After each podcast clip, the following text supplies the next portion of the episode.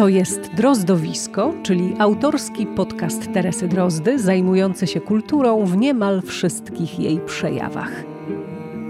Jest 16 września 2023 roku. Dzień dobry. Dziś znów punktem wyjścia do rozmowy jest książka, biografia biografia reporterska.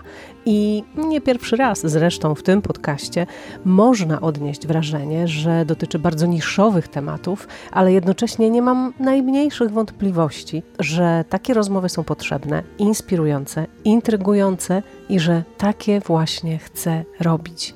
A wy mi to umożliwiacie. Jak? Wspierając drozdowisko finansowo, za co bardzo, bardzo, bardzo dziękuję i bardzo proszę o jeszcze. A jeśli nie możecie mi dziś postawić wirtualnej kawy w serwisie Buy Coffee 2, ani zadeklarować cyklicznego wsparcia w serwisie patronite.pl, to bardzo proszę, chociaż udostępnijcie ten odcinek, zasubskrybujcie kanał, skomentujcie. To ważne, bo im więcej subskrypcji, czy to na Spotify, czy na YouTubie, czy w innych aplikacjach, tym bardziej widzieć mnie będą różne algorytmy. Bardzo też o to proszę, bo to wydaje się być dla Was naprawdę drobna sprawa, natomiast zasadnicza dla dalszego istnienia tego podcastu. No i przypominam też e, naturalnie o opisie odcinka, w którym jest garść przydatnych odnośników i szczegółowe informacje na temat tego, o czym dokładnie rozmawiam z moim gościem. Gościem dzisiejszego drozdowiska jest Piotr Lipiński, pisarz, biograf, reporter czy reportażysta? Dzień dobry, chyba reporter, chociaż kiedyś to tak się mówiło rzeczywiście reportażysta o takich lepszych reporterach, bo taki reporter, ale to bardzo dawno temu chyba to był taki, który biegał po mieście, a reportażysta to pisał książki reporterskie. No właśnie, dlatego chciałam to drobne rozróżnienie wprowadzić, czyli jednak jesteś w tej drugiej kategorii. Teoretycznie tak, ale ja nie lubię takich wyszukanych określeń i zresztą jak ktoś mówi, że, że ja piszę literaturę faktu, to ja zawsze mówię, że pisanie literatury faktu to jest takie rzemiosło artystyczne, a nie sztuka, więc tak znowu nie przesadzajmy. Biograf. Zostańmy w takim razie przy biografii. Przy report, reporterskiej biografii, bo właściwie ja też wymyśliłem sobie taką kategorię na te moje książki, że to są reporterskie biografie, bo one się jednak różnią od biografii pisanych tak naprawdę i przez naukowców, i nawet chyba przed, przez publicystów, jeśli to jest taka taka biografia, która ma przybliżyć osobę, ale w taki publicystyczny sposób, to ona się jednak troszkę chyba różni od tego, co ja robię. U mnie chyba jest więcej po prostu takiego mojego własnego spojrzenia na osobę, takiego właśnie reporterskiego. No i spotykamy się oczywiście, żeby o kolejnej Twojej książce porozmawiać, ale spotykamy się nie po raz pierwszy, ponieważ wcześniej spotykaliśmy się na antenach Polskiego Radia i rozmawialiśmy o Twoich różnych innych książkach. No ale y, chciałam jakoś odnotować też ten fakt, że po raz pierwszy spotykamy się na y, trochę innej platformie komunikacji ze słuchaczami i czytelnikami, czyli po prostu w podcaście, w Drozdowisku, ale Ty też od pewnego czasu po prostu totalnie szalejesz e, w mediach społecznościowych, na YouTubie, ale też na TikToku. No tak, to jest trochę śmieszne, to jest trochę śmieszne. Zaczęło się od tego, znaczy zaczęło, no ja, ja kanał swój na YouTubie startowałem chyba trzy razy e, i za pierwszym razem po miesiącu pad, padła działalność, bo dostałem COVID-u. Za drugim razem, e, jak go reaktywowałem, wybuchła wojna na Ukrainie, w Ukrainie i właściwie ja nie miałem głowy i nikt chyba nie miał mhm. głowy do, do tych filmików. I teraz przygotowując się do premiery książki o Wasilewskiej, pomyślałem, że ponagrywam trochę filmów, bo ja w ogóle mam takie od czasu do czasu, co parę lat napady mm, wideo napady. Takie, y, taką, Jak ładnie. Mam, tak, mam taką potrzebę nakręcenia czegoś.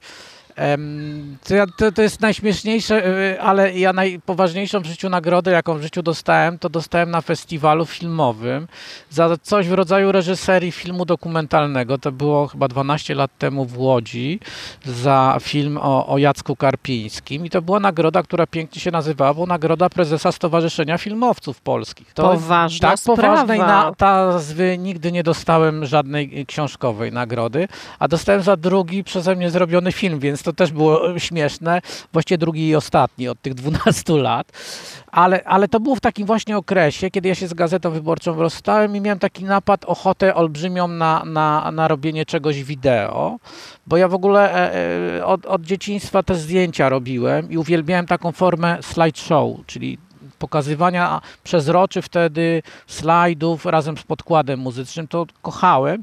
Jak się pojawiła możliwość robienia czegoś takiego w komputerze, to natychmiast mnie to wciągnęło. Ja od, od przynajmniej 20 albo i więcej lat robię takie pokazy, wyjeżdżając gdzieś za granicę, potem pokazując znajomym a tutaj już przejście do takiego wideo ruchomego jest nieduże. E, z moim kolegą Michałem Matysem robiliśmy dla telewizji właśnie taki cykl programów dokumentalnych z historii PRL-u. On też dostał nagrodę wtedy Grand Pressu za jeden ze swoich filmów i nawet się zastanawialiśmy, jak to jest właściwie możliwe, że my nie mając pojęcia o tej materii filmowej, dajemy sobie z tym radę właściwie. I doszliśmy do wniosku, że to jest rezultat szkoły reporterskiej Małgosi Scheidert, naszej szefowej w Gazecie Wyborczej, bo w gruncie rzeczy ona nas nauczyła opowiadania historii. Jak już się złapie opowiadanie historii, to potem te narzędzia, to się człowiek w gruncie rzeczy do nich potrafi przystosować. Jasne, one są podobne, czy znaczy, przede wszystkim konstrukcja, tak? Konstrukcja. Jest... Mhm. Najważniejsza jest konstrukcja. Ja uwielbiam, zawsze uwielbiałem bawić się z konstrukcją tekstów. W czasach papierowych to było tak, że ja jak napisałem tekst, dłuższy zwłaszcza, to ciąłem go na fragmenty i rozkładałem na podłodze akapitami niemalże i te akapity przesuwałem. I w gruncie rzeczy w montażu jest dokładnie tak samo, bo to też się te klipy wideo małe przesuwa w jedno, w drugie, trzecie miejsce. No i chodzi o to, żeby to zaskoczyło. W pewnym momencie ja mam wrażenie, że to jak ktoś już ma doświadczenie, to samo z siebie niemalże zaskakuje. Człowiek wie w pewnym momencie, kiedy, kiedy to jest y, ok. No i gdzieś tak w połowie czerwca, ponieważ na sierpień była przygotowywana premiera, premiera tej bandy Wasilewskiej, w połowie czerwca pomyślałem... 2023. Teraz, teraz już wracamy do... Bo jesteśmy, wiesz, w podcaście tak. i w tak. związku z tym te daty są istotne, bo rozmawiać będziemy o książce, która y, nie zdezaktualizuje się nam za, za, za tydzień, miesiąc, czy nawet racja, za rok. podcast żyje jednak długo. I zupełnie tak, inny, to jest inny sposób. Historia. Tak, to jest w ogóle niesamowite, wiesz, że, że, że fajnie jest o tym myśleć wtedy, kiedy to się prawda. to rejestruje e, i dlatego zwracam na to uwagę. No właśnie, więc... to absolutnie fantastyczne jest na tym TikToku, że tam można wrzucić film i on na przykład dopiero po tygodniu, po dwóch zaczyna mieć więcej odsłon. Najpierw wydaje się, że on, nic z niego nie wynika, a potem się okazuje, że to coś działa, e, czyli to być może jeszcze będzie długo działało. Ale właśnie w, tym, w tym czerwcu pomyślałem, że trzeba by ten kanał reaktywować, a tam jest taka zasada w tym YouTubie, że w zasadzie trzeba, żeby utrzymać zainteresowanie widzów, trzeba często nagrywać. Ja znowu często nagrywać nie bardzo miałem ochotę, bo, bo, bo mi szkoda trochę było na to czasu, bo to jest jednak dość, jak się rzadziej robi, pracochłonne. Ale nagle mnie olśniło, mój kolega Paweł Kwaśniewski, który jest takim facetem, który ma firmę zajmującą się produkowaniem filmów, między innymi dla Tomasza Lisa, dla Katarzyny Bosackiej, e, podrzucił mi taką myśl, żebym w ogóle podszedł do tego hobbystycznie. Jak mam mało wyświetleń, to w ogóle, żebym się strasznie nie natężał, tylko po prostu potraktował to jak hobby. I to była absolutnie genialna rada, ponieważ po dwóch dniach mi przyszło do głowy, że ja nie będę nagrywał co tydzień filmów. Ja będę nagrywał, puszczał codziennie film, ale króciutki, z dowcipem politycznym. Ja zawsze uwielbiałem dowcipy polityczne e, z czasów PRL-u. Pracę magisterską w 90 roku albo 91 na Wydziale Prawa napisałem o artykule 22 Małego Kodeksu Karnego. To był taki artykuł, który kazał, karał e, trzyletnim więzieniem za opowiadanie nieprawdziwych informacji, za rozpowszechnianie nieprawdziwych informacji. I czasami jako te nieprawdziwe informacje naprawdę traktowano dowcipy polityczne. No bo ktoś sobie zażartował, że nasi dzisiejsi przywódcy to przed wojną pasali krowy no, co było co w stosunku do niektórych nieprawdziwą informacją, ale w stosunku do niektórych było prawdziwą. No, ale traktowano to po prostu y, jako rozpowszechnianie fałszywych informacji. Y, no proszę, w PRL-u był paragraf na fake newsy. Tak, był na fake newsy, tak nawiasem mówiąc, a paragraf 22, czyli taki symbol absurdu zupełnie, no bo jednak karanie za, za y, dowcipy polityczne no, no jest opresją. No. Jest opresją, bo to w zasadzie to jest też taki przykład właśnie tego, że to jest kraj e, tak naprawdę terrorystyczny, totalitarny, bo to właściwie każdego można za to zamknąć. No prawie każdy. No, w, właśnie w czasach PRL-u, Polski Ludowej niesamowite było to, że człowiek codziennie słyszał przynajmniej jeden dowcip polityczny. E, to dzisiaj to już się w ogóle ludzie nie wiedzą tego. Tak, no, ale dzisiaj mamy memy, tak? Dzisiaj mamy memy, tak. Ja się, ja się zastanawiałem właśnie, dlaczego to zanikło, bo był okres w 90 latach zwłaszcza, że te dowcipy zanikły. Nawet kabarety zanikły, które były popularne. Teraz to wraca. Teraz się też ten stand-up pojawił, no i memy przede wszystkim. I te memy załatwiają historię dowcipu politycznego. Tak, bo, bezwzględnie. Bo dowcip się składał w gruncie rzeczy z dwóch zdań, trzech zdań. No, nie wiem, no, mój ulubiony dowcip to jest właściwie jedno zdanie. Jurij Gagarin, kosmonauta, pierwszy człowiek w kosmosie, pracował ciężko przez całe życie po to, żeby być przez kilka godzin poza Związkiem Radzieckim. To jest po prostu absolutnie genialne, wspaniałe. To jest jedno zdanie tak naprawdę. No i przecież te memy też mają zwykle obrazek i, i, i, jedno, I jedno, i jedno zdanie. Tak. No, poza tym moja żona zawsze twierdziła, że ja jestem najlepszy w opowiadaniu głupot, więc też te dowcipy polityczne, e, opowiadanie ich, przypominanie ich pasuje do mnie, na pewno. Czyli jak rozumiem, na TikToku się to sprawdza. To się sprawdza, bo w ogóle ten TikTok to był przypadek, bo ja te dowcipy zamierzałem opowiadać codziennie na YouTubie, na tym koncie, które już te dwa lata czy tam trzy lata istniało, żeby ożywić to konto. Ale przy okazji, no ponieważ słyszałem o tym TikToku, to wszedłem raz, drugi na tego TikToka. Ja go poznałem w połowie czerwca. No i tak mi się nawet trochę spodobał ten TikTok, bo najpierw kiedyś, kiedyś nie rozumiałem o co chodzi, ale odkryłem, że na przykład te filmy pionowe, których ja nienawidzę w ogóle, filmów pionowych w telewizorze, to one te, w telefonie działają absolutnie kapitalnie. Poza tym ta krótka forma, taka minuta, trzy minuty, jest fajna. Znaczy, to oczywiście, że to jest takie e, e, no, pobudzające gwałtownie, e, ale, ale tam są fajne algorytmy dopasowujące się do oglądającego. Jest to wyłącznie na rozrywkę właściwie nastawione, ale jednak mój pomysł to był taki, że ja przez pięć dni w tygodniu opowiadam o te dowcipy, czyli takie minutowe nagrania, a raz w tygodniu taki jakiś klip minutowy o Wandzie Wasilewskiej, żeby jednak już przygotowywać jakoś promocję tej książki. No i co dla mnie było po prostu absolutnie niesamowite, to to, że rzeczywiście te dowcipy przyjęły się, uważam, że bardzo dobrze. Drugi do, dowcip od razu miał ponad 100 tysięcy wyświetleń wow. o Gierku. To w ogóle jakiś kosmos dla mnie był, bo ja na tym YouTubie miałem po 100 wyświetleń, a tutaj 100 tysięcy. Ale co ciekawe, i, to, i mam kilka już takich ponad 100 tysięcznych filmików, reszta ma po kilkadziesiąt albo po kilka tysięcy, ale co niesamowite, te filmiki o Wandzie Wasilewskiej ludzie oglądali. Mhm. Tam, te, na, tam jest chyba, nie wiem, z 8 tych filmików już w tej chwili, najpopularniejsze mają około 30 tysięcy wyświetleń no to na mnie zrobiło wrażenie, bo w serwisie, który rzeczywiście jest na kierowany na rozrywkę, takie poważniejsze rzeczy, okazuje się, że jak się tam je wciągnie w, ten, w tą maszynę e, zabawową, no sprawdzają się i sprawdzają się. Ja najpierw myślałem, że ten TikTok jakoś szczególnie atrakcyjnie dla twórców, e, dla autorów nalicza te odtworzenia. On pewnie rzeczywiście jakoś szczególnie atrakcyjnie nalicza te odtworzenia, ale e, tam ludzie dużo do mnie pisali, dużo komentowali, a to znaczy, że rzeczywiście to oglądali. Z pewnym przerażeniem odkryłem też, że jednak strasznie dużo ludzi e, tęskni za PRL-em. No, I widzi ten PRL w przedziwny sposób, że dwa dni ktoś mi przy, temu przypomniał, że według niego Zagierka to było prawie jak na Zachodzie.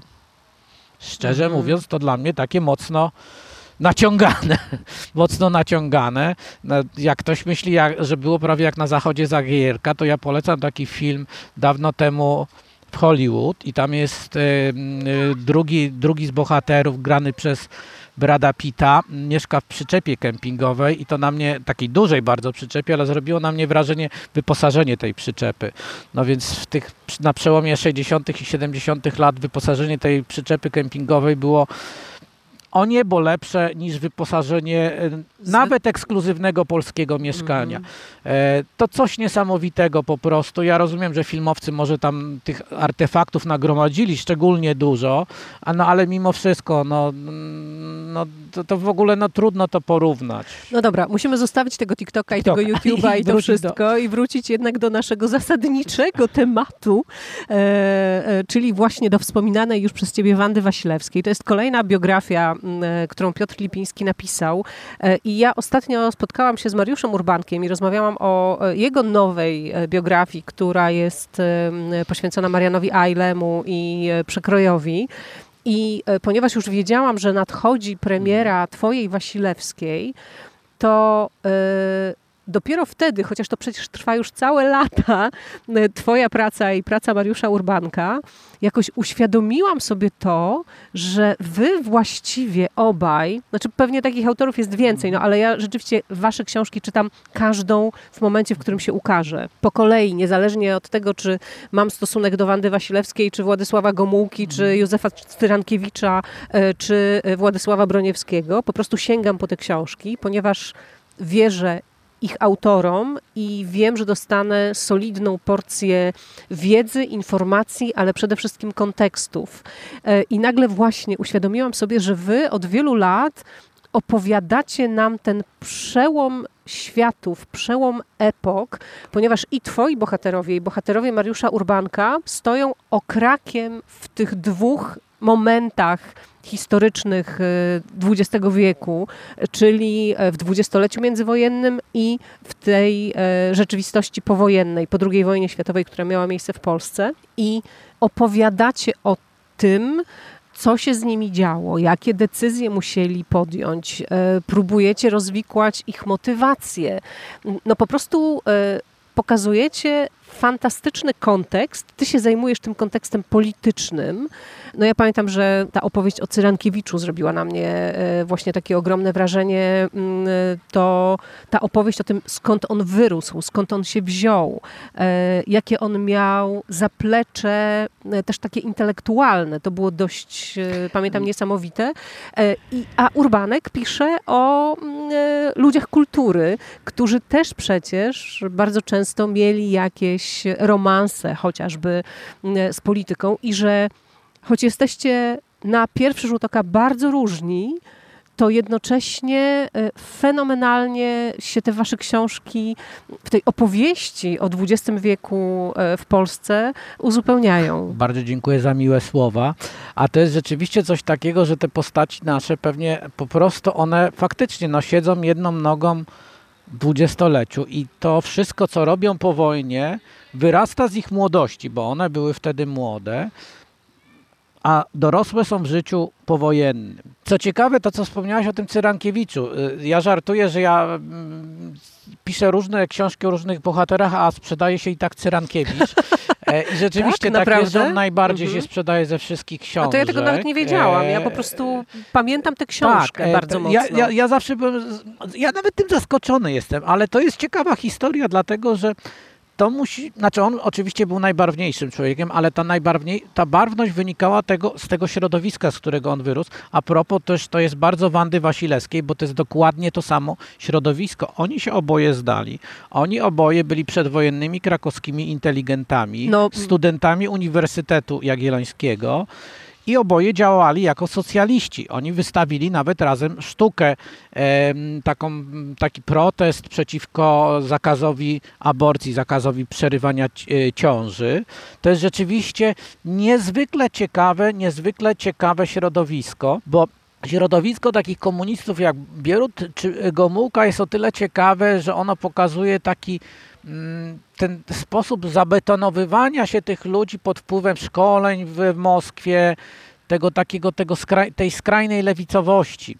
To jest, to jest dość dalekie od naszym, chyba naszego myślenia takiego, natomiast co, takiego naszego naturalnego. Natomiast ten Cyrankiewicz i przedwojenna Wasilewska, no to jest takie normalne życie, niesłychanie barwne życie, ale ludzi, którzy chcą coś w tym świecie zmienić. No więc właśnie, ludzi zaangażowanych, Zaangażowanych, jednak, zdecydowanie Myślących, zaangaż- zaangażowanych, tak, czujących inteligentnych. to wszystko, co złe się koło nich dzieje i próbujących to zmieniać i, i robiących coś, coś e, dla tego świata, bo to nie jest świat takich działaczy internetowych, którzy, że tak powiem, spalają się e, w postach, tylko oni rzeczywiście coś robią. No ta Wasilewska wspominała, że jak ona została młodą socjalistką e, e, na uniwersytecie, jej mentorem był wówczas e, Adam Ciołkosz, to on ją natychmiast wysłał do, do robotników na wieś, żeby ona tam przemawiała. Ona jeszcze niewiele miała do powiedzenia, ale no już do tych konkretnych ludzi, żeby ich właściwie poznać, została wysłana. Więc oni byli rzeczywiście bardzo, bardzo blisko. A oni się spotykali w tym takim domu robotniczym na Dunajskiego w Krakowie i tam się spotykali młodzi robotnicy z, z młodymi studentami. To nie było jakiejś taryfy ulgowej, nikt z góry nie patrzył na tych robotników. Zresztą podobno ci robotnicy generalnie zawsze wyczuwali, jak ktoś tam e, z wyższością na nich patrzył, czy z jak, no to, to, to wyczuwali. Dwaj mężowie e, Wandy Wasilewskiej, no to byli robotnicy. No to na kategoriami przedwojennej Polski patrząc, To były to były meza- mezalianse. mezalianse. Mhm. No ale e, no, ten drugi na przykład, Marian Bogatko, to był też socjalista, to był murarz, ale to był człowiek, który niesłychanie dużo pracy włożył w swoje samokształcenie. Zwykłą, e, w zwykłe kształcenie nie mógł, bo nie miał pieniędzy, rodzina nie miała na to pieniędzy. Natomiast jak on rozmawiał z poważnymi literatami, to oni przyznawali, że on potrafi o literaturze opowiadać takie rzeczy jak bardzo dobry krytyk. On podobno jak występował na, na wiecach w Meloniku, to w ogóle nikomu do głowy nie przychodziło, że to jest robotnik. E, to rzeczywiście no, była, o, znaczy to był taki sposób życia tych części tych socjalistycznych robotników, którzy ewidentnie im zależało na rozwoju osobistym, ale, roz, ale też poprawianiu sytuacji tego, tego świata dookoła, bo to było ciężkie życie. To było rzeczywiście ciężkie życie i oni i ta e, właśnie i Wasilewska i Cyrankiewicz widzieli to, chcieli ten świat zmieniać, ale nie rezygnowali też w jakimś stopniu z tej swojej inteligenckości tak naprawdę. E, Więc no ten świat na pewno Cyrankiewicza przedwojenny jest fascynujący i dla mnie właściwie też to od, jest dla mnie dużym odkryciem ten świat Wandy Wasilewskiej, bo ona mi się jak najgorzej kojarzyła. Ona mi się kojarzyła wyłącznie z tą najmroczniejszą postacią w polskiej historii, czyli z tym wszystkim, co w jej życiorysie się stało tak naprawdę od wybuchu II wojny światowej, kiedy ona zdradziła Polskę. A te przedwojenne jej lata właściwie ja ich pra, prawie, prawie nie znałem. Co ciekawe, ja w ogóle e, zanim nie zacząłem zbierać materiału do tej książki, to ja nie przeczytałem jej żadnej książki. No właśnie, poczekaj, bo tutaj do tego dochodzimy. Ja, y, dla mnie oczywiście Wanda Wasilewska to już w ogóle jest jakaś czarna magia, w takim sensie, że ja owszem wiedziałam, że była taka postać i że to była jakaś taka bardzo ważna komunistka, ale mm, naprawdę nie miałam bladego pojęcia w ogóle o tym, co ona robiła, kim ona była, jaka była jej rola w powstaniu e, tej powojennej Polski. E, Gdzieś jej nazwisko się przemazywało e, w Twoich poprzednich książkach, więc też jak rozumiem, to była pewna konsekwencja, tak? czy pewien taki naturalny bieg rzeczy, że ona się stanie mm, twoją kolejną bohaterką. Też powiedzmy, że to jest w ogóle e, pierwsza Kobieta. kobieca, no właśnie, bohaterka. To dla mnie bardzo istotne jest w, w, rzeczywiście, w, bo... no właśnie, e, w twoim bo- portfolio. Znaczy, znaczy, to jest o tyle dla mnie istotne, że ja się strasznie e, w gruncie rzeczy bałem pisać tej książki. E, bałem się też pierwszych reakcji na tą książkę. On, jak na moje możliwości, ona wyjątkowo długo powstawała, gdzieś między 2 a 3 lata. Jak ja podpisałem umowę z wydawnictwem Czarne, które mi ten temat e, zaproponowało, to nie ja go wymyśliłem, tylko Czarne wymyśliło.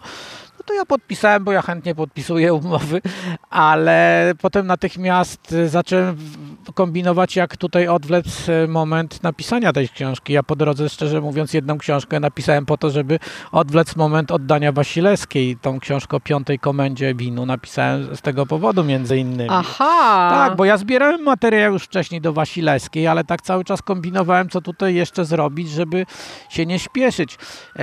Ja nie bardzo byłem zadowolony z pierwszej wersji książki, którą napisałem e, i wysłałem do wydawnictwa.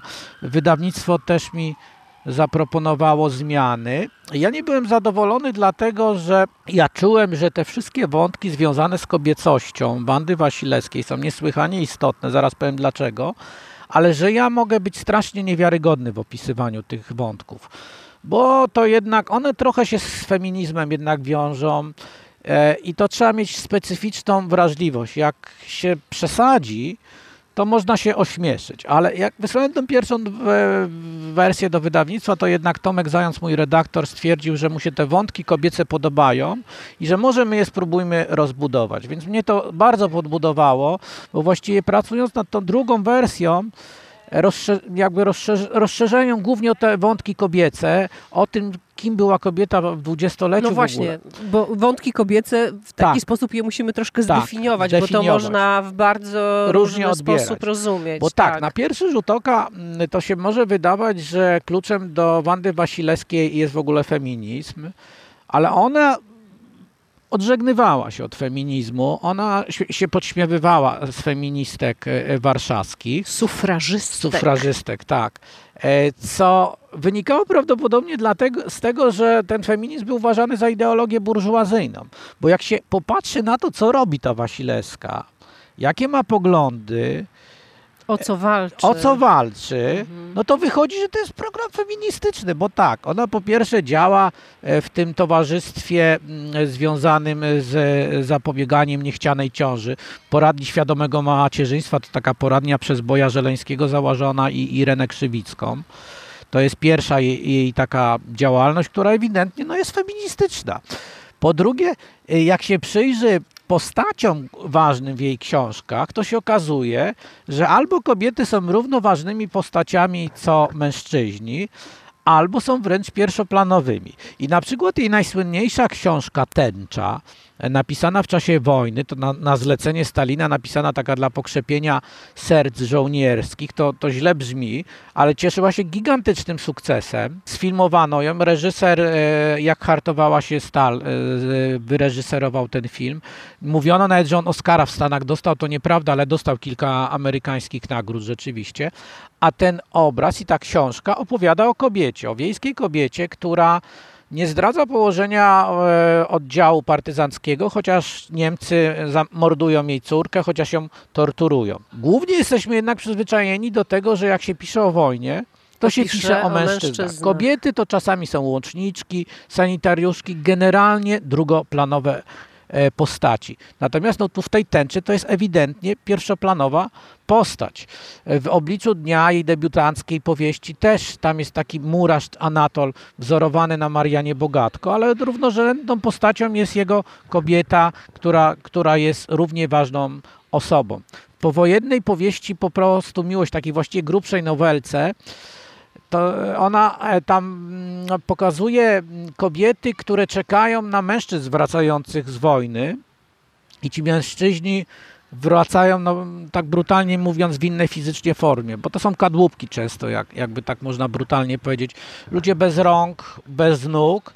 I ta Wanda Wasilewska zastanawia się nad tym, czy te kobiety powinny wracać do tych mężczyzn. Co jest takie dość zaskakujące, bo postawienie takiego pytania jest jednak dość oryginalne, bo kiedyś się wydawało, no że to jest oczywiste. Nawet powiedziałabym, że dość kontrowersyjne. Dość kontrowersyjne. Ona wybiera takie normalne rozwiązanie, bo w końcu te kobiety wracają, ta główna bohaterka wraca do mężczyzny, ale jednak przez długi czas się zastanawia nad tym swoim prawem do miłości, do, do życia i tak dalej, i tak dalej. I to jak się tak głęboko wejdzie, to widać, że to są wątki feministyczne. Ale jak ja bym sam próbował do tego dotrzeć, to by mi mogły głupoty wyjść. Więc ja po pierwsze czytałem sporo e, jakiejś takiej literatury. No poza tym e, radziłem się samych kobiet, e, również feministek. Ja założyłem może nawet do przesady przegiąłem w drugą stronę, że wywiady zrobię wyłącznie z kobietami o, o, o Wasilewskiej, że tam wszystkie te postaci, które występują, opowiadają Wasilewskiej, to będą kobiety, żeby to był kobiecy sposób myślenia. co zresztą mm, znaczy jest też o tyle uzasadnione, że ja zauważyłem, że wszystkie biografie e, Wasilewskiej do tej pory, bo było kilka biografii, no właśnie, bo było napisały wcześniej. też kobiety. Żaden mężczyzna nie napisał nigdy ona oczywiście występowała y, jako no, postać bardzo istotna w historii Polski Ludowej i tak dalej, i tak dalej, ale jednak pod biografiami jej zawsze były kobiety podpisane.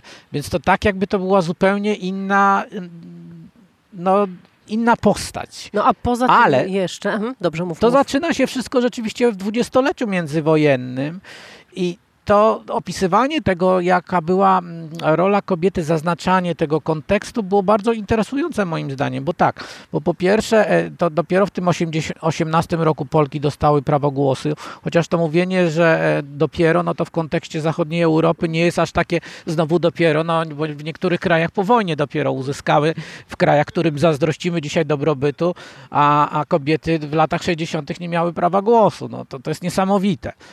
Ale to sobie trzeba przypomnieć tak naprawdę. To Tak, niby to jest są- banał, to niby jest banał, ale to sobie trzeba przypomnieć. Po tym jak, jak się czyta o tym, e, że przed wojną tam tych prawniczek było bardzo mało polskich, ale a w końcu e, chociaż była prokuratorka jedna, to nie wystąpiła przed sądem nigdy.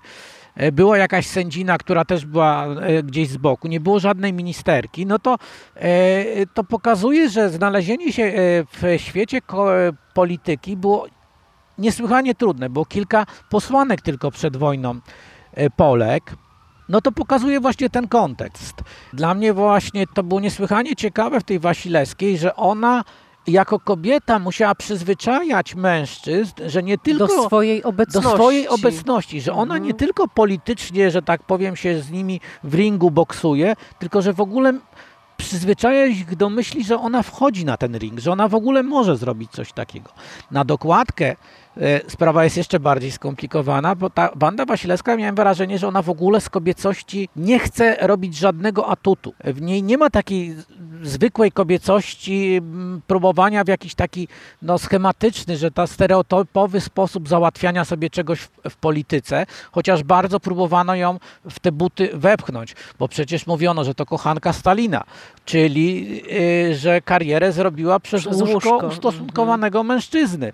No to ewidentne takie stereotypy to szczególnie wychodziły, co ciekawe, bo one wychodziły, te stereotypy y, y, i wśród y, emigrantów na zachodzie, którzy jej nienawidzili, ale równie silnie wśród e, ludzi z armii Berlinga, czyli samego generała Berlinga i chociażby Włodzimierza Sokorskiego, którzy rzeczywiście no, ordynarnie o niej się wypowiadali. No, e, ten Zygmunt Berling jej nie znosił serdecznie, ona go zresztą też nie, nie znosiła. To była kwestia rywalizacji o względy Stalina, jak sądzę, ale ona dość kulturalnie o nim jednak mówiła, natomiast no, Berling obrzydliwie o niej mówił. Rzeczywiście obrzydliwie. I to jest takie, no też takie stereotypowe, że mężczyzna nie może się pogodzić z tym, jeszcze mężczyzna w mundurze, że kobieta jest o szczebel wyżej od niego, bo ona jednak z tym Stalinem ma od dłuższego czasu kontakty i bliższe kontakty. Ale poczekaj, poczekaj, bo bardzo, bardzo wybiegamy w przyszłość, Przyszłość.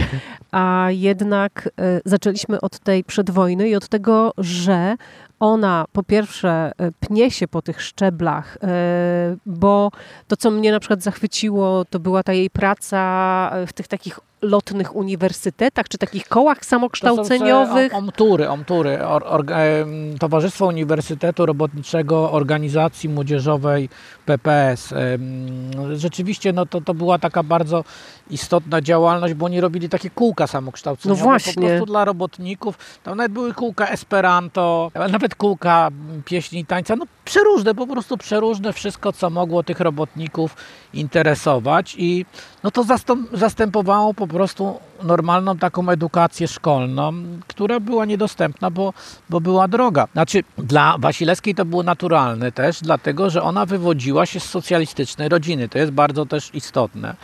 Bo zarówno jej mąż, zarówno jej ojciec, Ojciec, Leo, bo jej ojciec był bardzo istotną postacią też w tej przedwojennej polityce. polityce, to jest działacz PPS-owski od czasów przed odzyskaniem niepodległości.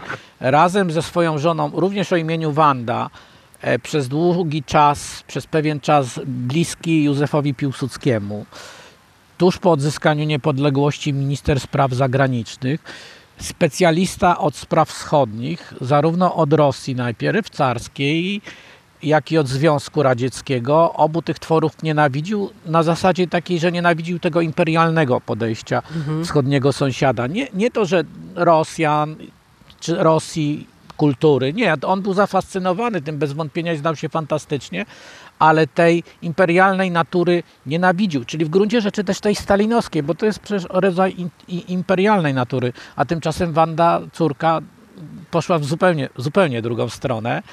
E, ja Ale też, też, dużo, dużo później. Dużo później. Aczkolwiek ona się też z tym ojcem e, trochę boksowała. Tak, zdecydowanie. I tak. też... Oni w pewnym momencie przestali ze sobą rozmawiać w domu na tematy polityczne ona wspominała, chociaż bardzo się kochali, bo jak, jak mówiła, by się pozabijali po prostu. Oni, co to jest też niesamowite, bo oboje byli wciąż socjalistami, bo to jest tak, że Wanda do końca, drugi, e, do końca II Rzeczpospolitej jest socjalistką. Ją podejrzewają o to, że ona jest kryptokomunistką, ale jednak do partii komunistycznej nie, nie należy, zapisuje. nie zapisuje mhm. się. Więc jest ewidentnie, są to dwa zupełnie różne już obozy w obrębie socjalistów.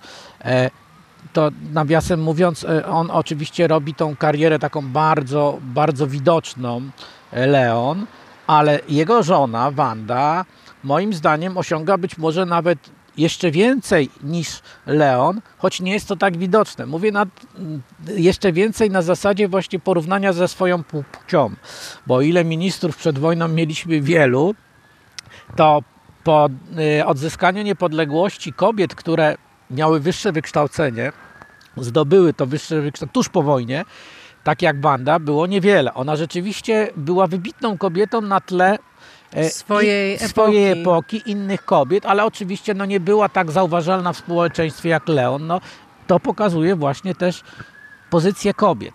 No ale jest to niesamowite rzeczywiście małżeństwo, niesamowite środowisko.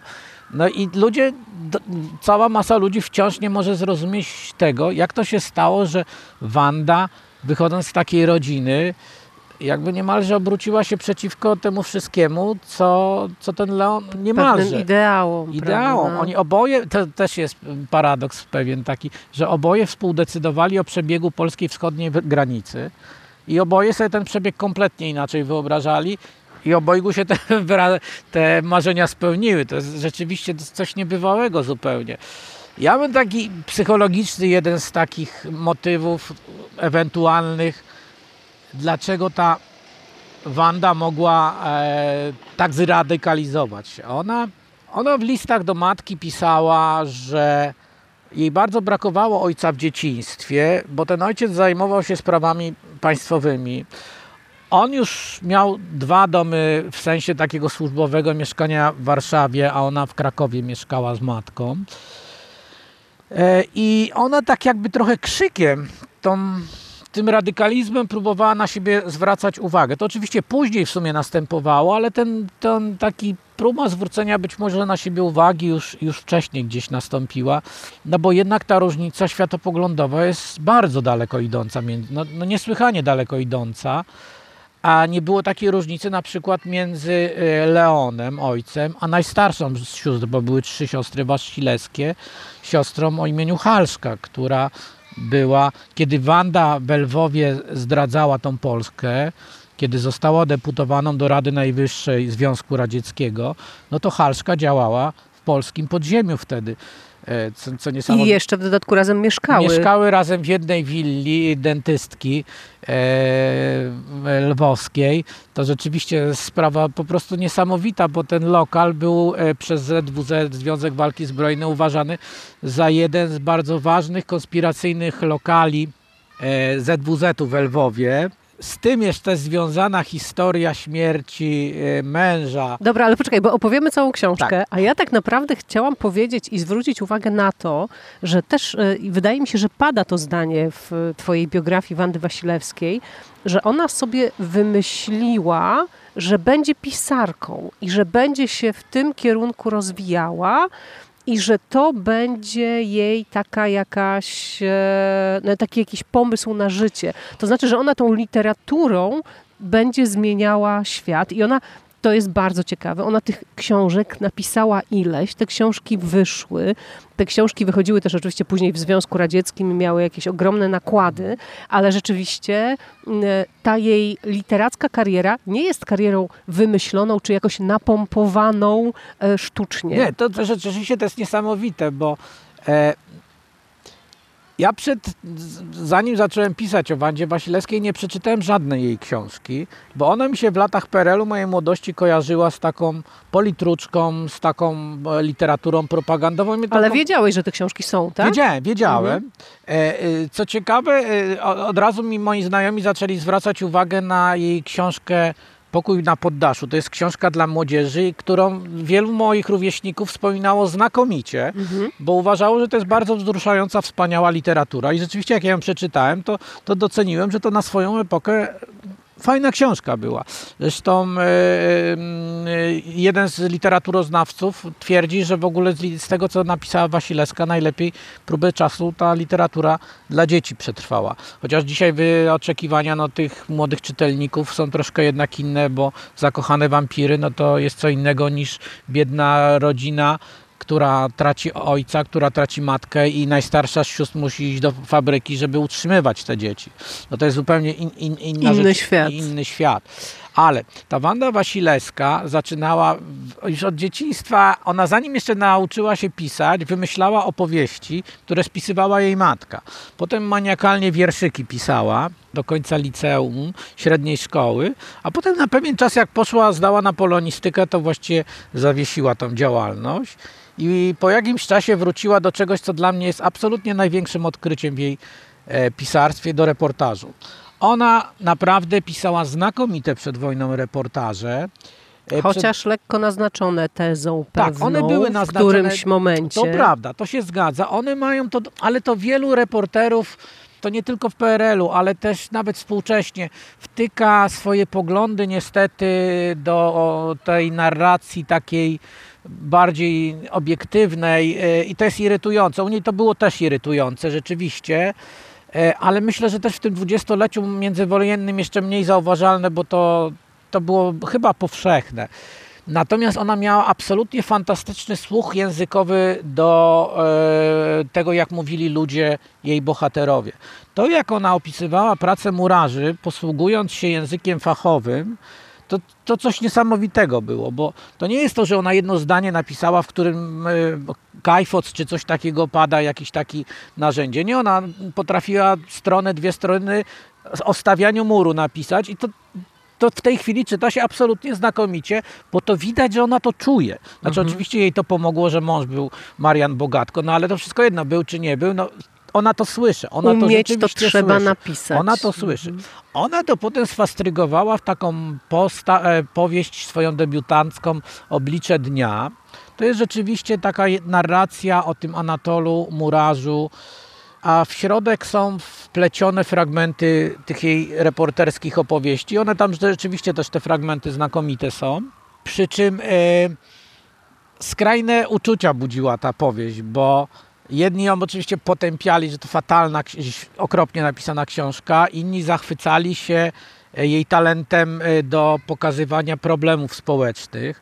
No a bez wątpienia na mnie wielkie wrażenie zrobiło to, że gdzieś w którejś recenzji przeczytałem, że e, to oblicze dnia w księgarni w Zakopanym, cała witryna była zastawiona książką Oblicze Dnia kilkudziesięcioma egzemplarzami. No to pokazuje, że to się olbrzymia jednak no zrobiło właśnie, wrażenie. No więc właśnie, że to, nie jest, że to nie jest wymyślona i nadmuchana nie kariera. Jest nadmuchana. Mhm. To jest tak, że o to rzeczywiście ona jest bardzo prostym językiem. Ta, znaczy tam ten język jest dość prosty w sensie takim, że ona nie miała takich potrzeb, jak niektórzy lewicowi literaci, żeby z futuryzmem eksperymentować. Nie, ona, ja mam wrażenie, że dla niej zawsze ta powieść, książka, reportaż to było narzędzie w działalności politycznej, że ona nawet nie tyle czuła się literatką, pisarką, co działaczką.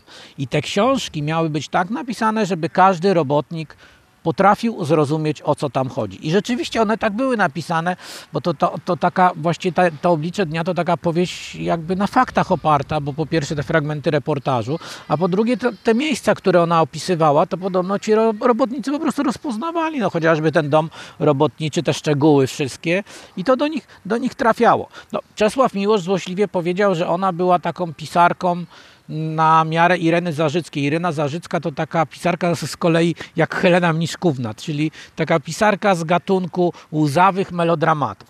Rzeczywiście... Roman Sidełek. Tak. E, rzeczywiście, no ta w tych opisach, szczególnie przyrody, jakiegoś gorejącego nieba, no, ona jest taka kiczowata momentami, ta, ta Wasilewska.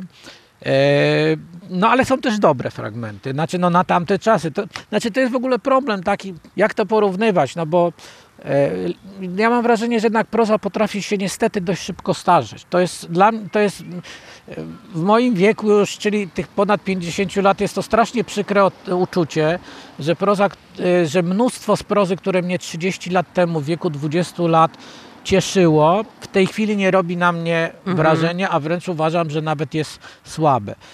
To jest straszne. Znaczy, z punktu widzenia człowieka piszącego jest to po prostu straszne i okropne. No trudno. Nic na to już nie poradzę, za późno się zorientowałem, że tak to działa ale dlatego też trudno mi jest e, no, ocenić. Bardzo negatywnie ocenić, ocenić na przykład chcę, tamtą, tak, tamtą, literaturę. Tamtą literaturę, mhm. no bo po tym odbiorze, no jeśli ona nawet tych e, recenzji ma całą masę, nawet przy którejś z, z książek, chyba przy Ziemi, Ziemi w Jarzmie, już nie pamiętam, zauważyła, że o dziwo więcej recenzji pisze prasa prawicowa niż lewicowa o jej książce.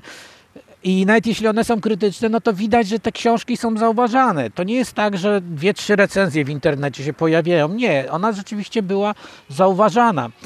E, no więc jest, jest to coś niesamowitego. Tylko, że z nią jest też coś takiego, że mam wrażenie, że w miarę lat ona pisze coraz gorzej. Mhm. E, książki powojenne no, są wyraźnie słabsze od książek e, tych przedwojennych jeszcze ta po prostu miłość, ta opowieść o, o tym właśnie, o tej kobiecie, która czeka na tego kadłubka, jak to nazwałem, e, swojego chłopaka, no to, to, to, robi wrażenie. Robi wrażenie, dopóki nie przeczyta się na przykład o tym, że e, kapitan w sali szpitalnej ostatnie słowa, które wykrzykuje, to za Stalina. No, jak taka, no ale to też w Związku Radzieckim tak się pisało. No tak, no to też jest taki znak czasu. No, znak no, czasu, ale w świecie. E, fatalne są opowieści Wandy Wasilewskiej, takie quasi reporterskie. Ona takie dwie książki wydała, 30 dni w Chinach i drugą o tytule w Paryżu i poza Paryżem. I to są straszne książki, bo w tej chińskiej ona zachwala wyzwolenie Tybetu przez komunistów chińskich. Ona ten świat opisuje z trybuny właściwie pierwszomajowe, jak tam wszyscy ci Chińczycy zadowoleni idą. No, dzisiaj to, to to jest, to idiotycznie brzmi, o, idiotycznie. W Paryżu i poza Paryżem no, widać, że ona cierpi na jakiś kompleks niższości w imieniu całego Związku Radzieckiego, bo tam są kuriozalne fragmenty. No, jeden z nich taki, na przykład jak ona opisuje wieś francuską, i ona pisze, że tam brud, smród i ubóstwo, a to taka miała być murowana wieś, taki brud, którego ona nigdy na Ukrainie na wsiach nie widziała. No to, to jest w ogóle, jak ktoś pamięta PRL, jak ktoś kiedykolwiek był w Związku Radzieckim, ktoś nawet czasami teraz zobaczy niektóre gospodarstwa w Polsce, no przecież to jest idiotyzm, kompletny idiotyzm. To trzeba być kompletnie odklejonym od rzeczywistości, żeby tak widzieć e, wieś ukraińską w latach po II wojnie światowej, no w Związku Radzieckim. A znowu najgorsza w Paryżu, we, we, we Francji okazuje się Edith Piaf.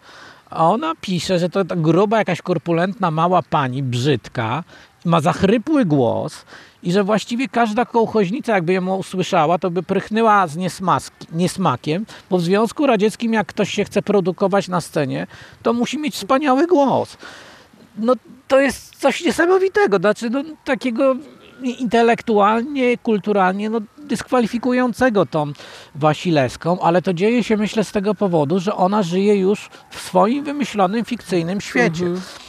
Bo ja się zastanawiałem, jak to jest w ogóle możliwe, że inteligentna kobieta, bo na pewno była inteligentna, chociaż Ciołkosz twierdził, że politycznie średnio wyrobiona jednak, no ale inteligentna pisarka, nie widzi wrażliwa, no bo widziała tą biedę przedwojenną. I walczyła I z walczyła. nią bardzo aktywnie. Nie, nie widzi tego wszystkiego, co się po wojnie dzieje.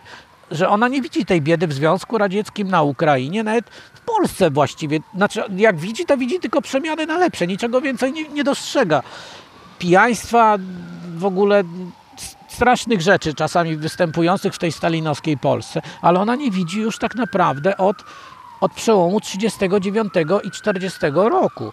Jak ona po, we wrześniu 39 roku ucieka na wschód Polski, to słyszy komunikaty raz w Radiu Radzieckim wymieniające ją z nazwiska i kilku polskich pisarzy lewicowych, żeby stawili się do Lwowa, do Nikity Chruszczowa albo Aleksandra Korniczuka. Nie zna osobiście żadnego z nich. Chruszczow to wiadomo, natomiast Korniczów to taki pisarz i, i polityk e, ukraińskiego pochodzenia, uważany za twórcę socrealizmu ukraińskiego. Ona jedzie do tego Lwowa razem ze swoim mężem Marianem Bogatko. Ten Korniczuk przyjmuje ją w pokoju George, to taki słynny przedwojenny hotel polski. Jak ona przekracza próg tego pokoju, to ja mam wrażenie, że ona już na stałe zostaje w świecie radzieckich polityków. Radzieckich polityków sowieckich, czyli takich, których główną umiejętnością jest odwracanie wzroku od tego, co widać naprawdę.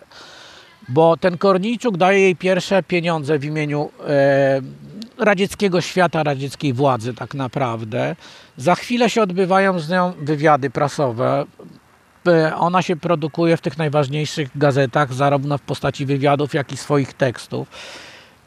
Wznawiane są jej książki, które już wcześniej wyszły przed wojną e, po rosyjsku, ale teraz są wznawiane i po rosyjsku w olbrzymich nakładach i po ukraińsku. I zaproszona jest między innymi w podróż razem z Marianem Bogatko do Kijowa, żeby zobaczyła ten przedsionek Związku Radzieckiego, bo oni ten Kijów uważali za taki przedsionek. Prawdziwa Związek Radziecki to jest Moskwa, a Kijów to jest przedsionek. No i ona wraca zachwycona tym wszystkim. Wspaniale, idealnie, genialnie. Natomiast Marian Bogatko szwenda się po, czyli mąż jej, który jej towarzyszył w, w podróży, szwenda się po knajpach z Władysławem Broniewskim pije wódkę i opowiada, że tam jest strasznie, że tam jak się wysiądzie na dworcu, to trzeba cap za czapkę, cap za e, bagaż, bo ukradną ci, bo ci zaraz ukradną. On, on, ona, on chodzi po tych robotniczych miasteczkach, tam mu mówią, żeby on uciekał z tego Związku Radzieckiego, bo tu jest bieda, a Wanda mu podobno nawet zabrania o tym mówić. I to jest niesamowite, bo oni jakby są w tych samych miejscach, a widzą coś, coś kompletnie mhm. innego. Oni jakby plecami do siebie stali zupełnie w tym momencie. To już trudno większą opozycję tak naprawdę. Ja mam też taką teorię trochę taką psychologizującą, że potem ten Marian Bogatko ginie i ona e, zostaje żoną Aleksandra, Aleksandra Korniczuka. Ale ja mam wrażenie, że ona być może zakochuje I zostaje już na stałe w Związku Radzieckim, zostaje, prawda? Tak, po wojnie też. Po wojnie też. Ja mam wrażenie, że ona w tym Korniczuku zakochuje się niemalże od pierwszego wejrzenia, tak symbolicznie jak w tym Związku Radzieckim. Ten Korniczuk ją wabi do tego Związku Radzieckiego e, i ona podświadomie trochę widzi wszystko w opozycji do swojego aktualnego męża, czyli Mariana Bogatko. Że jest to jeden z tych takich powodów, mhm. dlaczego ona e, zupełnie inaczej tą rzeczywistość widzi. Ona I tak się zradykalizowała w takim sensie właśnie odwrócenia ostatecznie, się... Ostatecznie, no bo ją już od przeprowadzki do Warszawy przed wojną niektórzy uważali za kryptokomunistkę wśród socjalistów. Ona nigdy nie wstąpiła do komunistycznej partii Polski, no już choćby z tego powodu, że kiedy już tą kryptokomunistką miała się stać, to właściwie Stalin rozpędził tą komunistyczną partię Polski, więc ona fizycznie nie mogła do niej wstąpić. Tak, ty chyba nawet o tym piszesz e, w którejś z wcześniejszych książek, że de facto polscy komuniści przetrwali e, dlatego, że byli zamknięci w polskich Siedzieli więzieniach. w więzieniach. Tak siedział w więzieniu, w ten sposób przetrwał Władysław Gomułka, tak Bolesław Bierut przeżył. Stąd też ich powojenne te kariery przyspieszyły za sprawą tego, że Stalin wymordował czołówkę komunistycznej partii Polski. Ale e, to może się wydawać właśnie też dziwne, dlaczego Dlaczego ten Stalin e, na początku wojny postawił, bo on ewidentnie postawił na tą Wasilewską, to nie jest tak, że ona na początku się tam zgłosiła. Nie, to jest tak, że rzeczywiście ją przez to radio wołano, ale potem jak już ją zawołano, jak ona się zgłosiła, to ona natychmiast została wessana w ten świat i w jaki sposób no, Poczuła się doceniona? Poczuła się, to jest też chyba jeden z elementów, no bo to jest tak, że ona przed wojną ona nigdy z żadnym premierem nie rozmawiała prezydentem, a tutaj ją przyjął Stalin. No to coś niesamowitego zupełnie. E, ona tu zostaje e, deleka, e, e, deputowaną do Rady Najwyższej, czyli posłem, ta, posłanką zostaje. E, jej książki przede wszystkim w olbrzymich nakładach są drukowane. No to dla pisarza nie, już nic bardziej go nie można wciągnąć w coś niż mu drukując książki. Poza tym ona ją wożą po tych e, wiecach i ona ma wrażenie, że ją ci ludzie zaczynają kochać. Częściowo jest to prawda, bo ta, ta literatura zdaje się jej się rzeczywiście cieszyła olbrzymią popularnością e, na Ukrainie w Związku Radzieckim ludziom się to podobało. Niektórzy twierdzili, że w ogóle e, pisarze w Związku Radzieckim byli jeszcze bardziej szanowani, jeszcze bardziej poważani niż w przedwojennej i powojennej Polsce i że to w ogóle inny, inny poziom, mhm. że to tamtych pisarzy traktowano tak jak boksera na woli w Polsce, w Warszawie. No, z emfazą niesamowitą po prostu. Ale ona jest w ten świat właśnie wessana, ona daje się w ten świat wessać, ale właściwie dlaczego Stalin tak ewidentnie stawia na socjalistkę? Bo ona sama nawet się dziwiła, że przecież są polscy komuniści, którzy są do tej roli bardziej predestynowani. Ale być może to właśnie dlatego, że Stalin, ponieważ rozwiązał to KPP przed wojną, to wciąż był nieufny wśród do polskich komunistów. Oni owszem, na początku wojny, po tym jak Związek Radziecki wkroczył na tereny wschodniej Polski, zorganizowano referendum za przyłączeniem tych terenów do Związku Radzieckiego. No i w tej akcji referendalnej po stronie Związku Radzieckiego rzeczywiście działali ci polscy komuniści, ale to na początku był właściwie jedyny taki epizod istotny ich politycznego działania, bo potem oni znaleźli się gdzieś tam na jakimś marginesie tak naprawdę. Właśnie dlatego, że byli pewnie komunistami, bo Stalin wciąż do nich nie miał zaufania. Natomiast ta e, socjalistka spadła mu z tego lewicowego nieba, bo ona nie była formalnie z nimi związana, ale jednak była skrajnie lewicowa w socjalizmie. Na dokładkę on podobno rzeczywiście czytał jej te przedwojenne książki i jej się podobały. Jemu się podobały. Jemu się, jemu się podobały. Stalinowi się jej książki podobały, a co, co równie niesamowite, to właściwie e, Wasilewska umożliwiła tym komunistom powrót do politycznej rzeczywistości, polskim komunistom powrót do politycznej rzeczywistości Związku Radzieckiego, bo z nią się skontaktował najsłynniejszy z polskich komunistów, Alfred Lampe. To był swoją drogą jedyny z nazwiska wymieniony polski komunista w dokumencie rozwiązującym KPP i podtępiającym KPP, który przeżył. E, więc on jak się znalazł w tym Związku Radzieckim, to ja sobie tak wyobrażam, że on co prawda był jakimś kierownikiem, czy w jakiejś fabryce pracował, ale wyobrażam sobie, że politycznie on był skreślony straszliwie.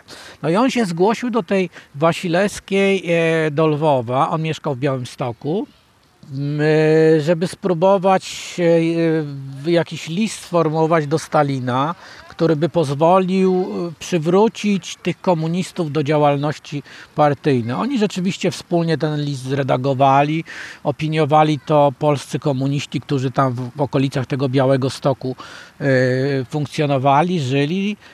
No i Stalin zgodził się rzeczywiście, żeby przyjmować tych polskich komunistów do WKPB, ale co niesamowite, pierwsza została, przez wszystkimi polskimi komunistami, pierwsza została Wanda Wasilewska przyjęta. WKPB, wiesz, musimy chyba... Tak, e, komunistyczna obawiam partia się... Związku Radzieckiego bolszewików, e, czyli no taki odpowiednik naszego PZPR-u powiedzmy. E, czy też Komunistycznej Partii Polski, ale w każdym razie ci polscy komuniści, ona została bez stażu kandydackiego, nawet na wyraźne polecenie Stalina przyjęta, a kilka tygodni później rozpoczęła się operacja przyjmowania tych polskich komunistów. Jej się nawet udało załatwić coś takiego, co e, co dla nich było bardzo ważne, mianowicie to, że przyjmowano ich z zaliczeniem stażu partyjnego. Oni na to bardzo nie liczyli najpierw, Myśleli, że tylko ich się będzie przyjmować. E, jak ja w 90 latach, czy nawet później rozmawiałem z tymi komunistami, to oni mieli tą obsesję tego stażu partyjnego, że to dla nich było coś strasznie ważnego. Ja się zastanawiałem, o co właściwie chodzi. No i no o ważne, co właściwie chodzi? Ja doszedłem do wniosku, że to jest ważne, dlatego że przekreślenie stażu partyjnego to przekreślenie ich całej działalności przedwojennej. Mhm. Tak jakby oni stali się nowicjuszami Jasne, w tej tak jakby partii. nagle po prostu nagle się, znaleźli, znaleźli jako dopiero, czyste białe tak, kartki. Tak, tak. Natomiast no, ponieważ ten staż to było wszystko, co oni mieli, no to jak udało im się to, że z tym stażem przyjęli, no to oni byli niemalże w niebo wzięci, ale troszeczkę chyba była cały czas wśród nich zadra, taka, że to jednak za sprawą socjalistki Wasilewskiej, a że właściwie to ona się kontaktuje z tym Stalinem. Lampego nigdy. Przez całą wojnę do śmierci Lampego Stalin nigdy go nie przyjął, chociaż ten Lampę chciał, żeby on go przyjął, a Wasilewską przyjmuje. Więc ta zadra taka wtedy troszkę między nimi powstała i myślę, że ta zadra jątrzyła taką ranę, która przy końcu wojny stała się bardziej istotna, bo bo ona miała, uzyskała pozycję nieporównywalną do jakiegokolwiek polskiego polityka w Związku Radzieckim. Myślę, że generał Anders nie miał nawet takiej pozycji, jak, jak miała Wanda Wasilewska, bo no z, z racji tych... Ona stała się narzędziem tego Stalina, ale tym najważniejszym narzędziem zajmującym się sprawami polskimi. Jemu też zależało właśnie na tym, być może, żeby to była socjalistka z tego powodu, że Polakom się w ogóle socjaliści kojarzyli oczywiście lepiej. nieporównywalnie lepiej niż komuniści, więc socjalistka mu bardziej pasowała, aczkolwiek e, ja wyobrażam sobie to napięcie i nienawiść Polaków do Wasilewskiej, jakie musiało być w Lwowie, to musiało być coś nieprawdopodobnego, bo w momencie, kiedy ci Polacy są deportowani, wywożeni ze, na wschód z Lwowa i okolic, no to ona zostaje kolaborantką. No ona była tak nazywana, renegatka, kolaborantka najgorszymi słowami. No to jest coś takiego, jakby sobie wyobrazić, że w Ukrainie mamy teraz jakiegoś polityka, który zostaje przyjacielem Putina. To, to najgorsze, co może być po prostu w takim momencie. Dzisiaj to tego wydaje mi się, że to nam trudno sobie wyobrazić, bo to tylko w czasie tak, wojny. myślę, że tak, bo że to jest nie do opowiedzenia i nie do wyobrażenia. Nie do wyobrażenia. O niej mówiono, że ona z wyboru została Sowietką, obywatelstwo przyjęła. Technicznie to wcale się tak nie odbyło, bo to sowieckie obywatelstwo Polakom mieszkającym tam narzucono tak mhm. naprawdę, ale psychologicznie ja uważam, że to jest niezwykle trafne, bo ona rzeczywiście, ona świadomie przyjęła to. To nie to, że ono jest narzucone, ona chciała być tą Sowietką. Ona rzeczywiście rzeczywiście chciała być tą Sowietką i zrobiła wszystko, że, żeby nią zostać. A dla Polaków no to było najgorsze, co może być. Oczywiście nie dla wszystkich Polaków, bo to też trzeba pamiętać, że Wasilewska to nie była jedyna osoba, bo w tym sympatyzująca ze Związkiem, ze Radzieckim, Radzieckim, czy zapatrzona w Związek tak. Radziecki. Mamy tego przykłady i w naszej historii, w historii niodległej Czechosłowacji, tak. w której też przecież e, e, komuniści przed wojną byli wręcz bardzo, bardzo poważani. Tak, a w, w środowisku jej lwowskim, w którym ona działa na, działała na początku tej II wojny światowej, no to przecież ta grupa lewicujących pisarzy, która skłaniała się ku Moskwie, ku Stalinowi, no była jednak spora.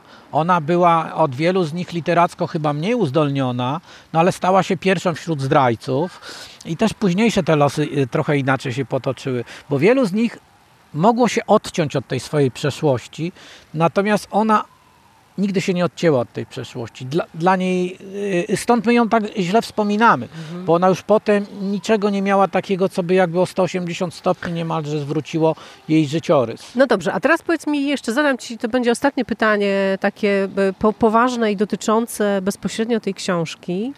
Powiedz mi, czy ona patrząc dzisiaj na to z perspektywy naprawdę e, wielu dziesiątek lat, czy ona zrobiła dla Polski, dla funkcjonowania naszego kraju po wojnie, w tej rzeczywistości, w jakiej on mógł funkcjonować, rzeczy, które możemy dzisiaj interpretować jako mniejsze zło albo jako coś, co gdyby nie ona, mogłoby się potoczyć gorzej, czy odwrotnie, gdyby nie ona, mogłoby się potoczyć lepiej? Ja mam podtytuł tej książki Czarno-Biała. Cała masa ludzi uważa, że ona była wyłącznie czarna. I w gruncie rzeczy tak jest, że ten czarny obraz ewidentnie przeważa, bo to zdrajczyni. Ale są elementy białe, które powodują, że jest też grupa osób, Polaków, która w rozsądny sposób twierdzi, że to niemalże najważniejsza i najlepsza postać w ich y, życiu. To są ludzie, którzy dzięki Związkowi Patriotów Polskich, na którego czele stała Wanda Wasilewska i dzięki Armii Berlinga wyrwali się ze Związku Radzieckiego. I ich sposób myślenia jest logiczny i zrozumiały. to są ludzie, których z tych terenów powiedzmy wschodniej Polski wysiedlono, wyrzucono, deportowano na Syberię, Wywieziono wywieziono cierpieli w łagrach. Oni jej nienawidzili wtedy. Oni jej nienawidzili w sposób nieprawdopodobny. Natomiast w momencie, kiedy powstał Związek Patriotów Polskich, Czyli taka jak gdyby nowa partia Nowa, tak, komunistyczna, tak, ona- którą ona powołała jako coś, co ma być podglebiem przyszłego polskiego rządu. Tak, tak. I to było ewidentnie, powstaje to, nazwę sam Stalin wymyślił w interesie polityki stalinowskiej. Ale w, i armia Berlinga tak samo. Ale w ramach tych dwóch organizacji cywilnej i wojskowej odbywa się proces ściągania tych ludzi z łagrów, z zesłania do wojska albo wysyłania paczek zaopatrzenia dla rodzin. I dla tych ludzi najważniejsze jest to, że rodzi się nadzieja na powrót do Polski. I to dla nich staje się absolutnie najważniejsze, co może być. Bo to, że Wasilewska e, prowadzi politykę stalinowską, to nie ma znaczenia dla nich, bo hasła nie są ważniejsze od chleba. Dla nich najważniejszy jest powrót do Polski. Wasilewska, ja nie wiem, czy ona to robi świadomie, że chce tych Polaków przywrócić, żeby oni wrócili do Polski, czy to jest element stalinowski. To nie ma, nie ma zupełnie w tym momencie znaczenia dla tych ludzi, bo oni rze- rzeczywiście dzięki niej w dużym stopniu wracają tu. To jest realizacja oczywiście polityki Stalina, ale oni utożsamiają... Ale też to była polityka, którą ona trochę kreowała. Kreowała, oczywiście, kreowała na pewno, bo to też trzeba pamiętać, jak to, chociażby tą armią Berlinga było, że ci szeregowi, ci niższych stopni ludzie, to rzeczywiście to byli ludzie głęboko antysowieccy. Oni nienawidzili Związku Radzieckiego i Stalina, bo nie mieli ich za, za co go lubić, jak na, na Syberię wysłał. Owszem, oficerowie, szczególnie oficerowie polityczni, komuniści, byli z tej wierchuszki, czy też ci e, oficerowie z Armii Czerwonej przysłani, no to oczywiście to byli stalinowcy, ale to były dwie zupełnie jakby różne grupy. E, To było tak, że tych, tych ludzi tam na tych szeregowców na jakieś zebrania partyjne goniono, mityngi, oni tam klaskali, ale oni w ogóle w to nie wierzyli. E, Dla nich tak klaskali, bo chcieli do Polski wrócić, ale jednak Wasilewska im się od tego momentu kojarzyła jak najlepiej. Natomiast po 1989 roku w naszej historii nastąpił kolejny zwrot, e, że my żeśmy przestali darzyć szacunkiem jakimkolwiek berlingowców dla odmiany. To jest rezultat tego, że oni stali się takim symbolem zniewolenia Polski. Bo zapomniano, że to są żołnierze w większości ci właśnie szeregowi, którzy byli antysowieccy, ale to też niektórzy z nich pozwolili nam na to zapomnieć, dlatego, że o ile po wojnie, po 1945 roku, ci z wyższych szczebli dowodzenia mm, zaczęli oczywiście w naturalny sposób robić kariery, ale też ci z tych niższych szczebli, tamci byli powiedzmy stalinowscy, zwolennicy komunizmu, ale ci z niższych początkowo nie byli. Ale oni zostali troszkę wessani w ten, Mhm, ten tę system. machinę, w Tę ten- machinę. mhm. Jak ktoś pamięta Te szkoły, żarna, tak. te- tak, jak ktoś pamięta szkoły z PRL-u chodził, to przypomina sobie takich kombatantów, którzy przychodzili opowiadać o tej wojnie. To wszystko było w takim propagandowym sosie utopione. Oni troszeczkę jednak korzystali z tego zbowidu, z jakichś tam przywilejów, a ponieważ właśnie z tą propagandą się kojarzyli, no to siłą rzeczy po 1989 roku zostali znowu odesłani niesprawiedliwie jednak w niebyt, no bo to byli rzeczywiście no, żołnierze, to byli żołnierze, ale no, to takich losów jest cała masa. No, przykładem jest właśnie chociażby generał Wojciech Jaruzelski, który przecież też był na zesłaniu, a po wojnie on wspominał, o ile pamiętam, w 40, że w 1947 roku uświadomił sobie, e, że nie ma innego wyboru dla Polski niż komunizm i poszedł na całego już ten komunizm tak naprawdę. On oczywiście tam już był oficerem, więc z tej wy- wyższej ligi, no ale przecież to jest człowiek z zesłania, więc człowiek, który powinien być głęboko antysowiecki. No ale, ale poszedł w tą drugą stronę, no i nic dziwnego, że po 1989 roku nie cieszył się sympatią. No to, to, to, ale to pokazuje, jak, jak, jak są zakręcone niekiedy losy tego, jak ciężko jest zrozumieć na przykład to, że są Polacy, którzy uważają, że ta e, Wasilewska to najjaśniejsza postać w jej życiu.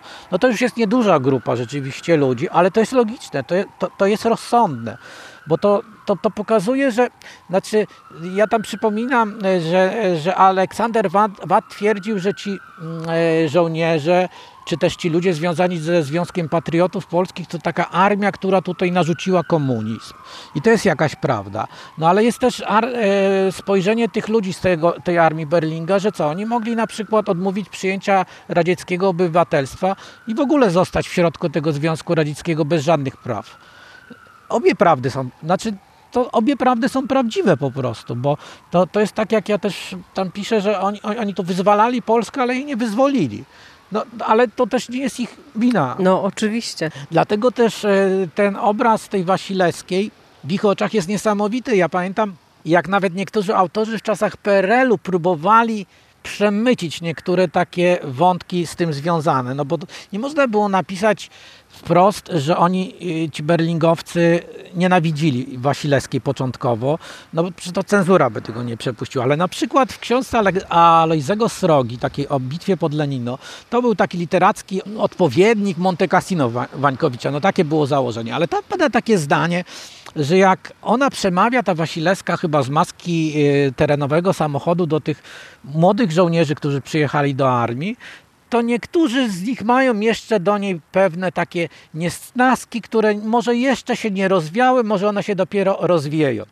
Tam nic więcej nie jest napisane, mm -hmm. ale jak ktoś wie o co chodzi, no to wiadomo, wie. No to jest tak w tym PRL-u, że po prostu to czytelnik musiał się domyślać o co chodzi autorowi a dzisiaj jeszcze trudniej mm, taką pewną uczciwość autorską w tym znaleźć, że, że no, no, nie może tego napisać, ale próbuje to, co tylko da się zasugerować. Chociaż oczywiście no, pisząc o, o chociażby o Wandzie Wasilewskiej, no, autorzy sami się autocenzurowali. Ja rozmawiałem z jedną z autorek e, biografii PRL-owskich o, o, o, o Wandzie Wasilewskiej. Ona mi nawet po publikacji książki podziękowała, że ją tak łagodnie potraktowałem w ocenie jej zafascynowania, zafascynowania Wandą bo Wasilewską. Ja napisałem, że mhm. To, że ta jej biografia Wasilewskiej wygląda tak no niemalże bałwochwalczo, wynika, jak sądzę, bardziej z jej zafascynowania postacią niż z koniunkturalizmu.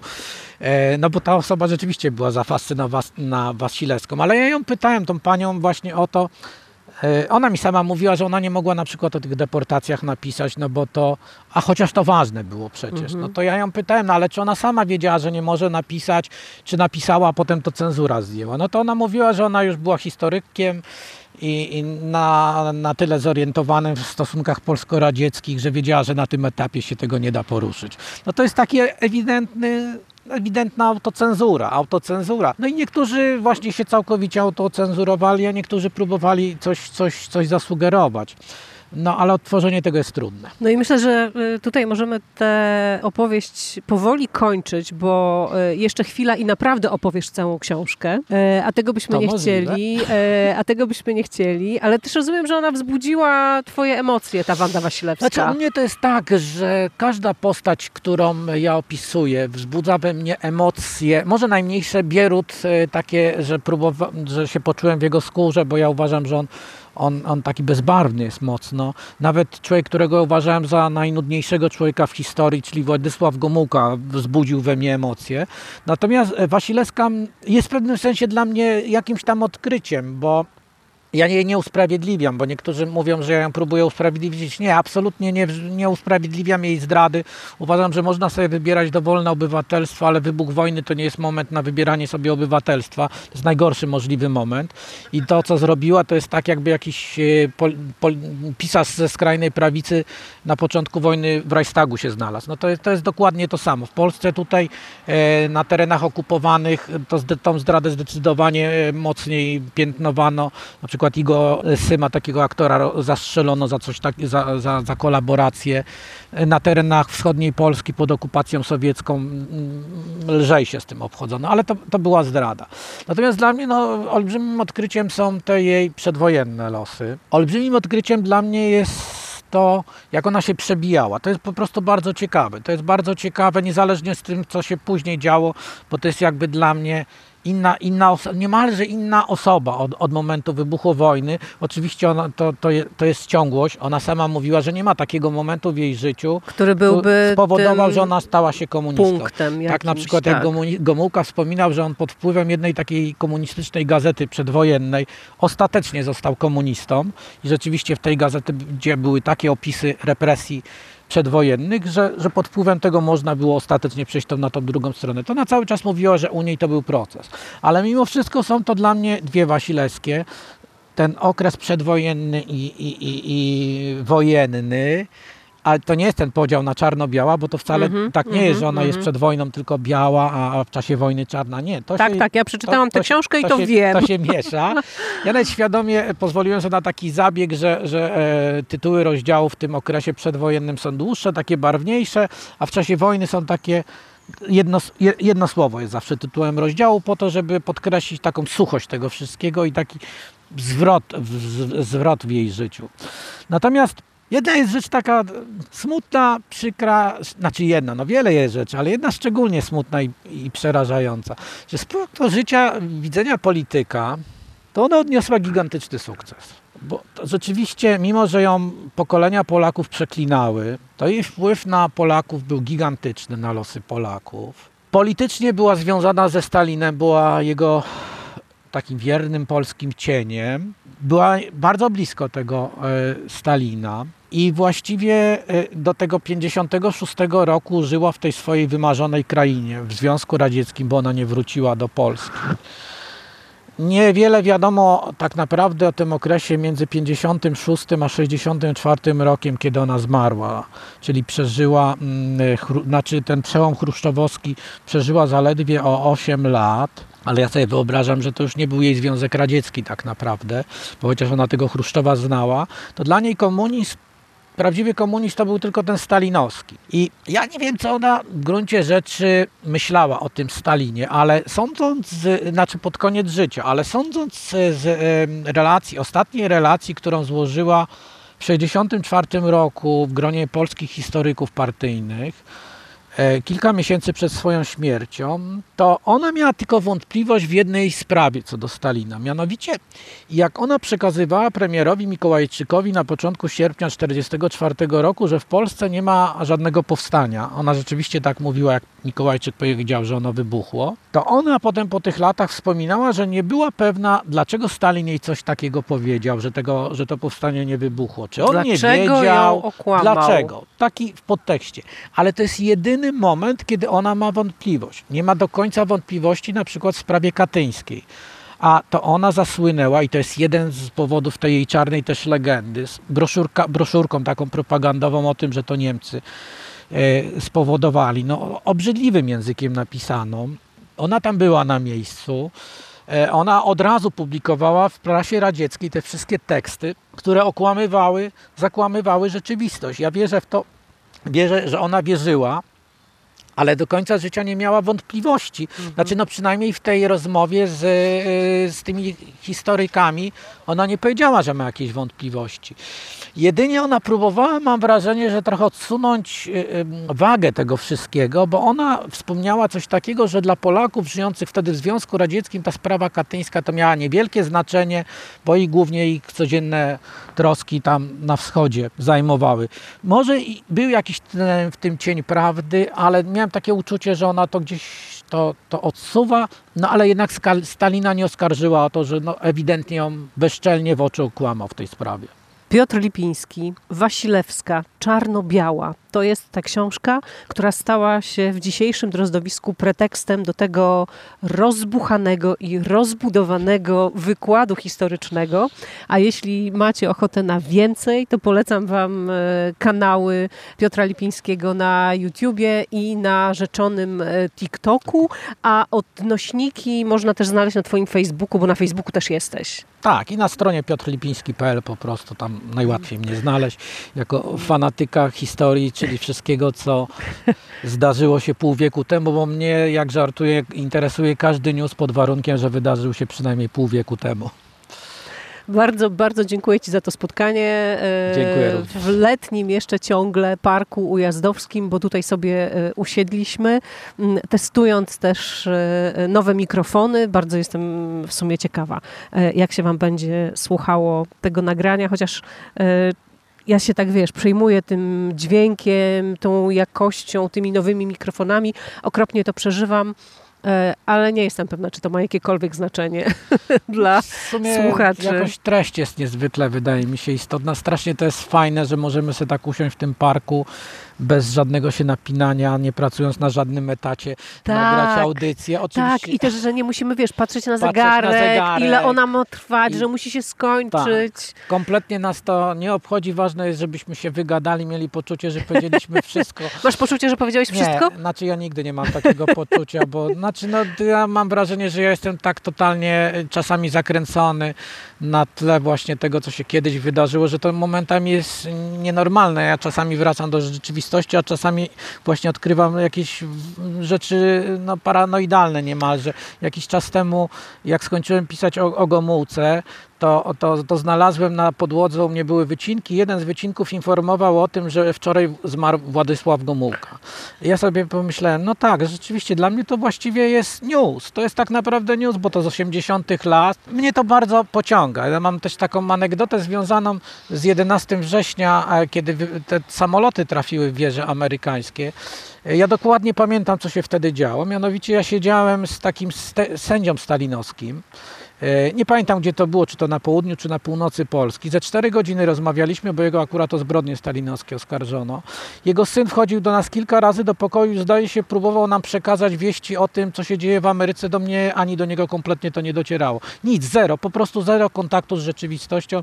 My byliśmy pół wieku wcześniej. Boję się w takim razie zapytać, żebym nie dostała jednak e, kolejnego wykładu historycznego o to, mm, e, czy masz już bohatera lub bohaterkę kolejnej kolejnej swojej biografii, ale też może to jeszcze jest trochę za wcześnie w ogóle, żeby o to pytać dosłownie e, parę dni po tym, jak książka się pojawiła. E, mam już, tylko boję się mówić tak samo, jak bałem się mówić o Wasilewskiej. To nie mów. Nie będę mówił, to jest w ogóle właśnie, e, bo to jest tak, że ja o niektórych bohaterach już tak gdzieś w połowie pracy za, zaczynam mówić, bo już czuję, że może finał będzie pozytywny. A przy Wasilewskiej w połowie pisania miałem wrażenie, że finał może być fatalny i teraz przy tej postaci, którą opisuję też mam takie wrażenie, więc myślę, że jeszcze długo nie będę mówić. Dobra, e, przy tym zostajemy.